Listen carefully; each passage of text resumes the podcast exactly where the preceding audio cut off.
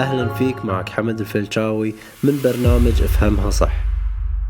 لو قلت لك إن الحياة كلها تقوم على فكرة تؤمن فيها وترتبط معاها وبعدها تشوف نتائجها في الواقع ونوعية هذه الفكرة هي اللي ترسم معالم وايد أشياء بحياتك. وهذا الشيء بتلاحظه في ناس مؤمنة بفكرة التضحية إنها تقول أنا أضحي بحقوقي علشان يحبوني.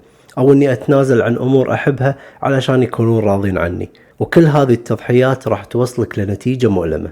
لأنها في العمق ركزت على احتياجات الطرف الثاني أكثر من احتياجاتك.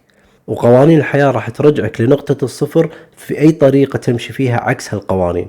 فممكن إنها تدخلك بألم ومعاناة علشان تفهم الدرس من وراها. راح تعرف إن من أعظم القوانين اللي راح تحررك من أمور وايد ومشاعر معيقة لوصولك للثراء التضحية. التضحية لما تستخدمها لصالحك راح تحقق لك نتائج عظيمة مثل الشخص اللي يضحي بمتع لحظية.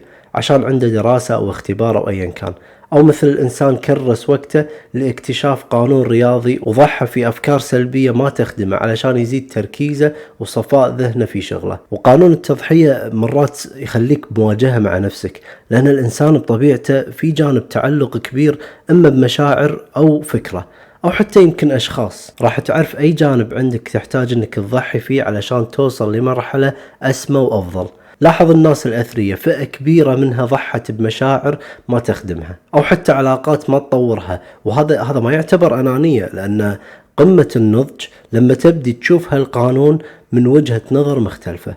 التضحية قانون جدا جميل ويخليك تتصل بأمور أكبر وأجمل إذا طبقته صح. وهذا الشيء يذكرني بمقولة جيمس ألن لما قال آه، من يريد أن يحقق القليل عليه أن يضحي بالقليل.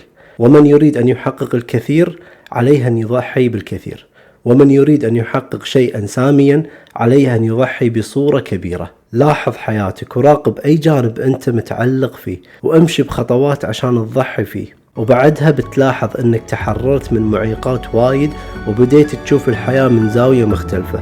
وتذكر جزء كبير من الثراء راح تكسبه لما تطبق قانون التضحية بالطريقة الصحيحة.